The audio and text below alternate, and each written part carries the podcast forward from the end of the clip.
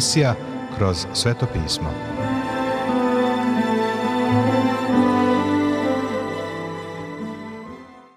Dobroveče, poštovani slušaoci i dobrodošli u još jednu emisiju programa Kroz sveto pismo, programa koji je za vas napisao Vernon McGee, a pročitao Branko Bjelajac. Želimo vam prijetno i blagoslovljeno slušanje.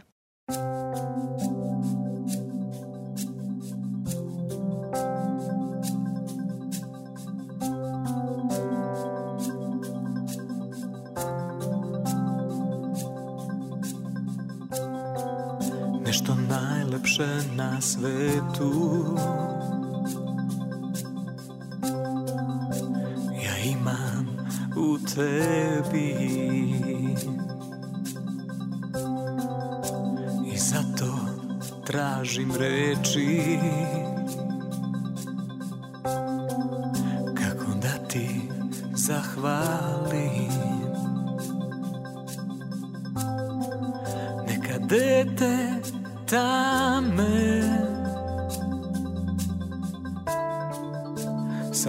te slavljenja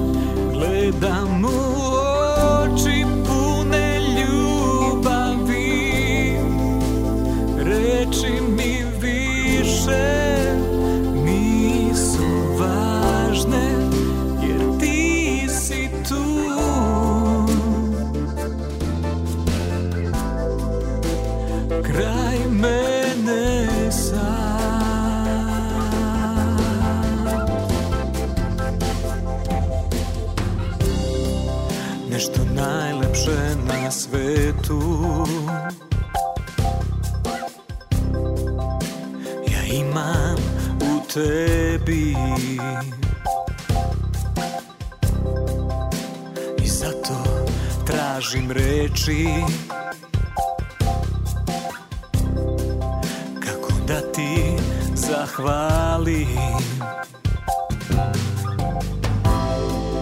Nekad dete tame Sa dete slavljenja Stojim pred tobom sad i znam Ja spavam set aside.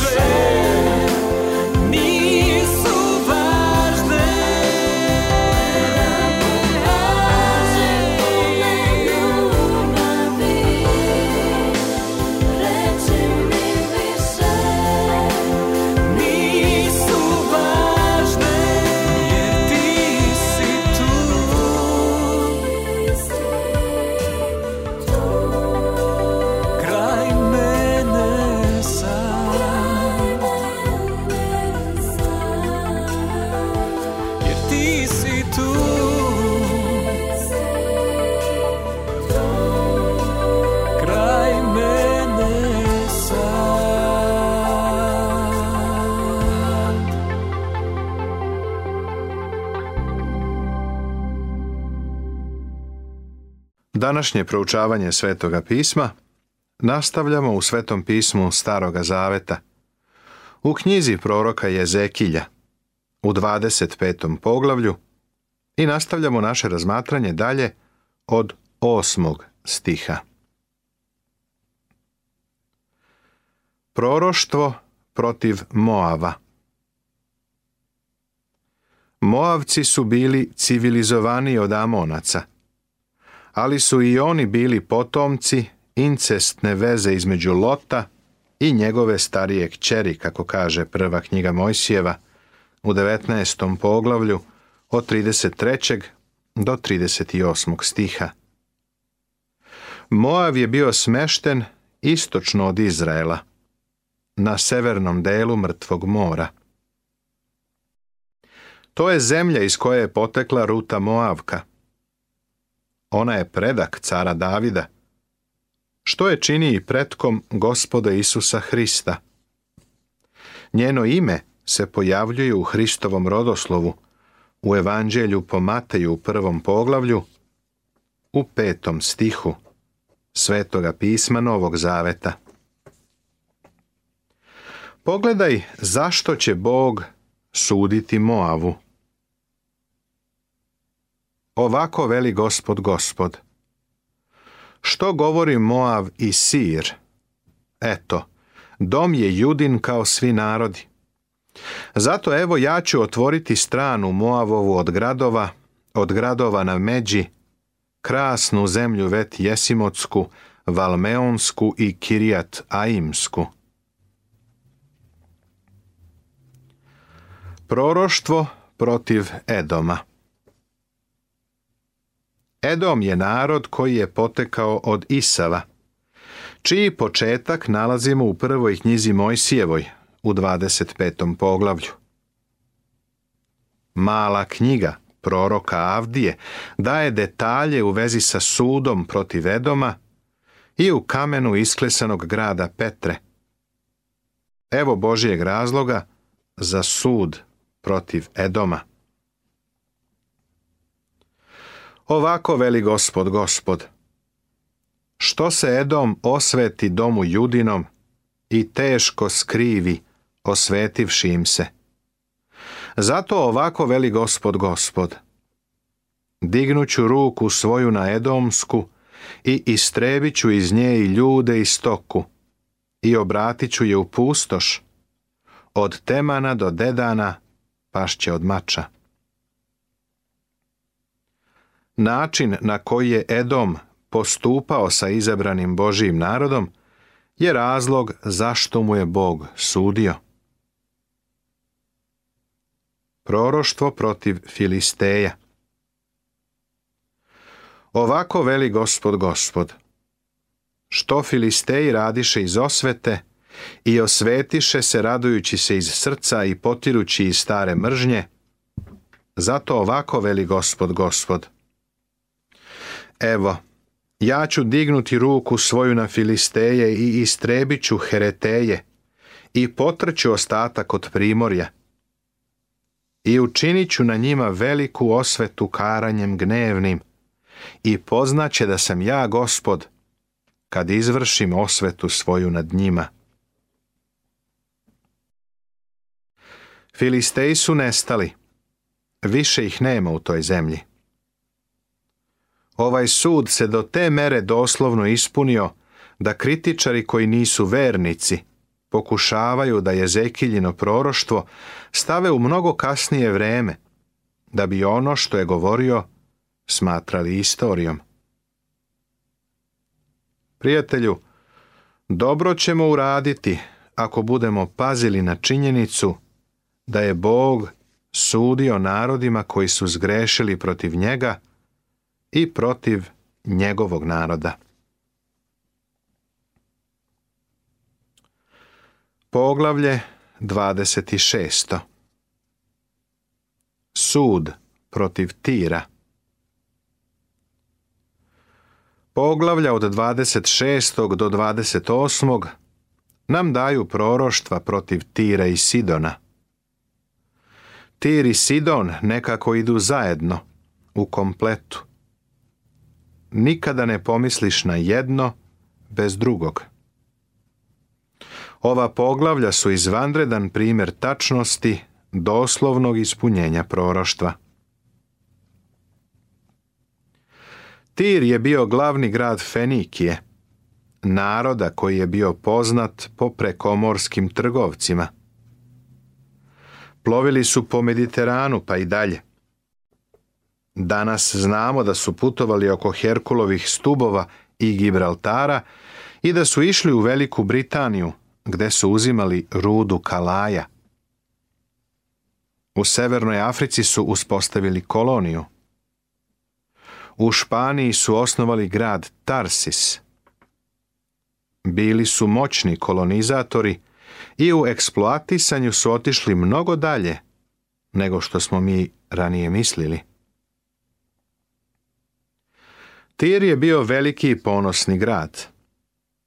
Hiram, tirski car, je bio Davidov prijatelj i snabdevao ga je građevinskim materijalom.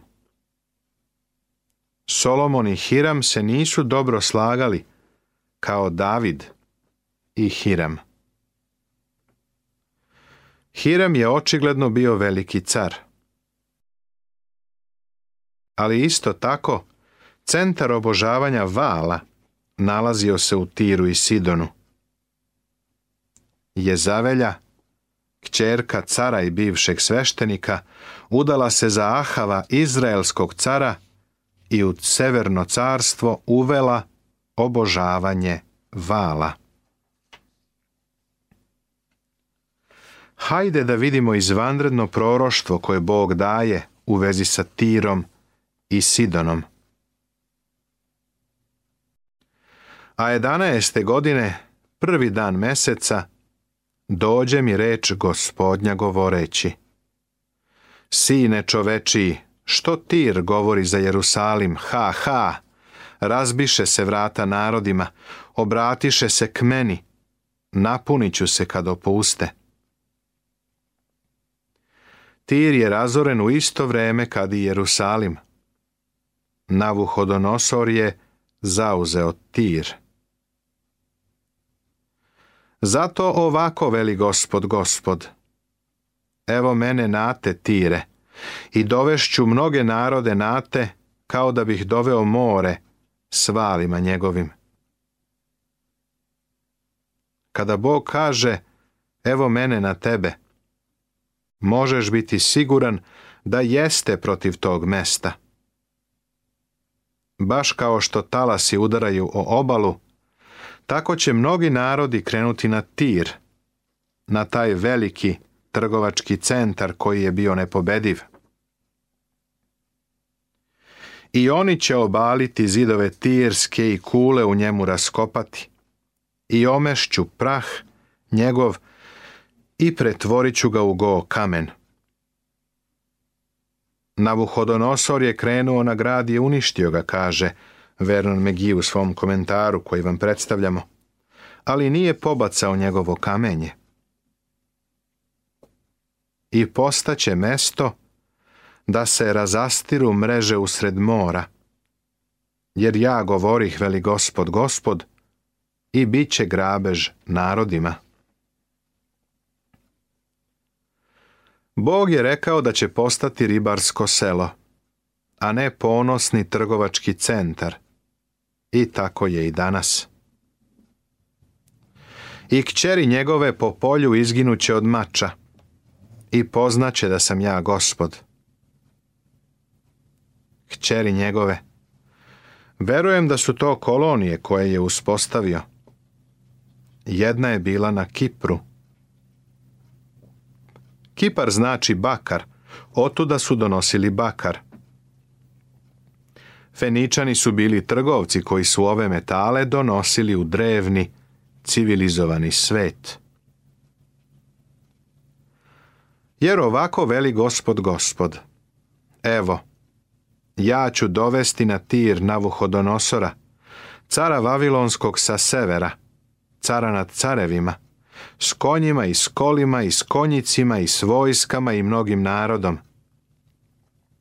Kćeri tvoje po polju pobiće mačem i načinit će prema tebi kule i iskopaće opkope prema tebi i podignuće prema tebi štitove i namestit će ubojne sprave prema zidovima tvojim i razvalit će kule tvoje oružjem svojim.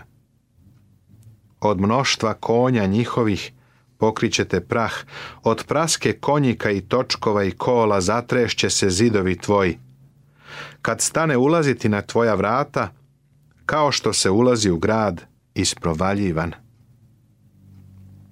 Navuhodonosor je prolomio zidine drevnog tira, baš kao što je učinio sa Jerusalimom, pa se tako ovo proroštvo doslovno ispunilo. Kopitima konja svojih izgazit će sve ulice tvoje, pobiće narod tvoj mačem i stupovi sile tvoje popadaće na zemlju. Vrlo je zanimljivo zapaziti da stihovi od 7. do 11.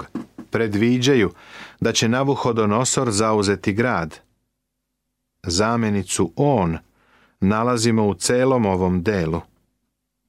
Ali se sada, na početku sljedećeg stiha, ta zamenica menja u oni. Bog je rekao da će narodi doći i evo tog proroštva. I poplenit će blago tvoje i razgrabiti trg tvoj i razvalit će zidove tvoje i lepe kuće tvoje razoriti i kamenje tvoje i drva tvoje i prah tvoj bacit će u vodu i prekinuću jeku pesama tvojih i glas kitara tvojih neće se više čuti. I učinit ću od tebe go kamen. Bićeš mesto gde se razastiru mreže. Ne, nećeš se više sazidati, jer ja gospod govorih, veli gospod gospod. Ovo proroštvo se vekovima nije ispunilo. Tri stotine godina su ruševine Tira tamo ležale i bile su vrlo impresivne. Iako je Navuhodonosor razorio grad, drugo proroštvo se još nije bilo ispunilo. Ko će da uzme kamenje i prah i baci ih u more? Sa zapada je došao Aleksandar Veliki, koji je u Danilovom proroštvu simbolično predstavljen kao jarac. Vidiš? Nakon povratka tirana iz Vavilonskog ropstva, ljudi su rešili da ponovo podignu grad na ostrvu i da zaborave sve u vezi sa kopnom. Pošto su bili pomorska sila, bolje će se zaštititi na ostrvu. Ali kada je tamo došao Aleksandar Veliki, video je ruševine grada. Naseljeni novi grad se nalazio skroz na ostrvu, izvan njegovog dometa. Imao je mnogo vremena i mnogo vojnika, pa je odlučio da sazida uzdignuti put do grada, put iznad vode. Gde je nabavio materijal za konstrukciju, tamo na okeanu. Pa uzeo je materijal iz starog tira, kamenje, stubove, pa čak i prašinu i sazidao put preko mora kojim je vojska umarširala direktno u novi grad Tir. Razorio je grad i od tog dana nikada više nije sazidan. Prijatelju, ovo je izvanredno proroštvo. Kao što sam spomenuo, Kritičari pokušavaju da objasne proroštvo u vezi sa Navuhodonosorovim razaranjem grada na taj način što kažu da je Jezekilj to napisao nakon što se sve desilo. Ali ne mogu da kažu da je Jezekilj pisao nakon Aleksandra Velikog. Samo Bog daje proroštvo sa ovakvom preciznošću. Išao sam na zemljouz, koji je Aleksandar Veliki napravio sa kopna do ostrava. Video sam ruševine. Ruševine su iskopane, pa je tamo bilo različitih delova razbijenog posuđa i umetničkih dela. Moram priznati da sam uzeo neke komadiće, stavio ih u džep.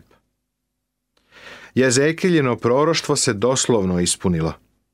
Ne možeš da pogledaš ruševine tira i da kažeš da je Božija reč pogađanje. Sidon i danas stoji kao i uvek, ali Tir je nestao. Niko nije pokušao da ga ponovo izgradi. Liban nije pokušao. Božja reč kaže da se Tir nikada više neće sazidati. Ako možeš da sazidaš Tir, protivrečiš Božjoj reči, ali ja te savjetujem da svoj novac uložiš ipak u nešto drugo. Poglavlje 27. Tugovanje nad tirom Prethodno poglavlje nam je dalo proroštvo o razaranju tira.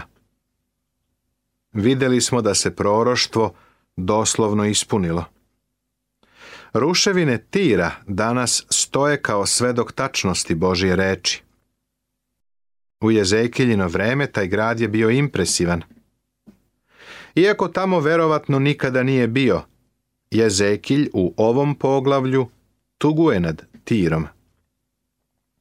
On tuguje nad činjenicom da je ovaj veliki grad pao. Bio je to veliki grad. Ne želim da umanjujem njegovu veličinu i lepotu. Ovo je tužno lepo poglavlje u kojem Zekilj upoređuje Tir, glavni grad Feničanskog carstva, sa velikim brodom koji je doživeo brodolom. Ne mogu da se setim nikakve bolje slike za prekomorski narod. Šta je srušilo Tir? Opet mi dođe reč gospodnja govoreći. I ti, sine čovečiji, nariči za tirom i reci tiru, koji stoji na ulasku morskom, koji trguje s narodima na mnogim ostrvima. Ovako veli gospod gospod. Tire, ti govoraše ja sam sasvim lep. Šta je srušilo tir? Isto ono što je oborilo u steni isklesani grad Petru. Ponos tvoga srca prevarite. Ponos zbog lepote, pompe i napretka je ono što je mnoge svetske narode oborilo u ruševine. Ovo poglavlje govori o tome koliko je veliko bilo Feničansko carstvo. Počinje Kitimom, odnosno Kiprom, što znači Bakar, koji je bio jedna od najboljih kolonija, a prostiralo se do Tarsisa – čije ime znači topionica ili rafinerija. Tarsis je bio odskočna daska za Feničane. Jona je čak bio kupio kartu za taj grad, ali ga nikada nije video jer je završio u utrobi velike ribe. Lađe Tarsiske behu prve u tvojoj trgovini i ti beše veoma pun i veoma slavan u srcu morskom. Tir je bio veliki trgovački centar. Trgovci su dolazili iz svih krajeva sveta da tu kupuju i prodaju. Tu si mogao da nađeš sve što si hteo. U 17. stihu piše da je Izrael trgovao na njenim sajmovima. Minit su verovatno bile maslinke ili smokve stavljene u neko sredstvo za očuvanje. Na tirskim tržnicama si mogao da kupiš sve što si poželeo. Nastavit će se. I srca mi na viru reči divne Pesmu svoju ja kralju pevam Najlepši si gospode Uživam dok slavim te Najlepši si Isuse Želim da slavim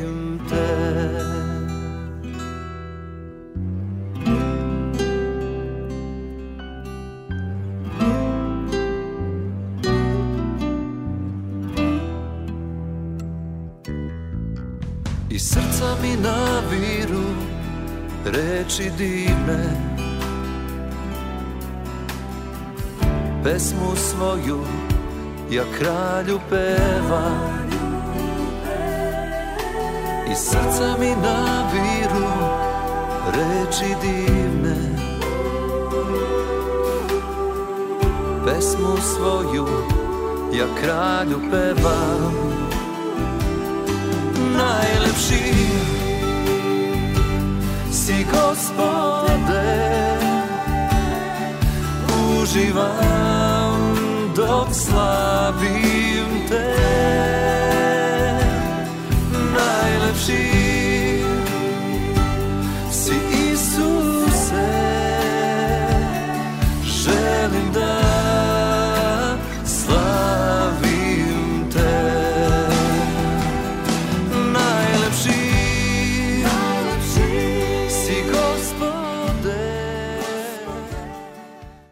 Poštovani slušaoci, završena je još jedna emisija iz serijala Kroz sveto pismo.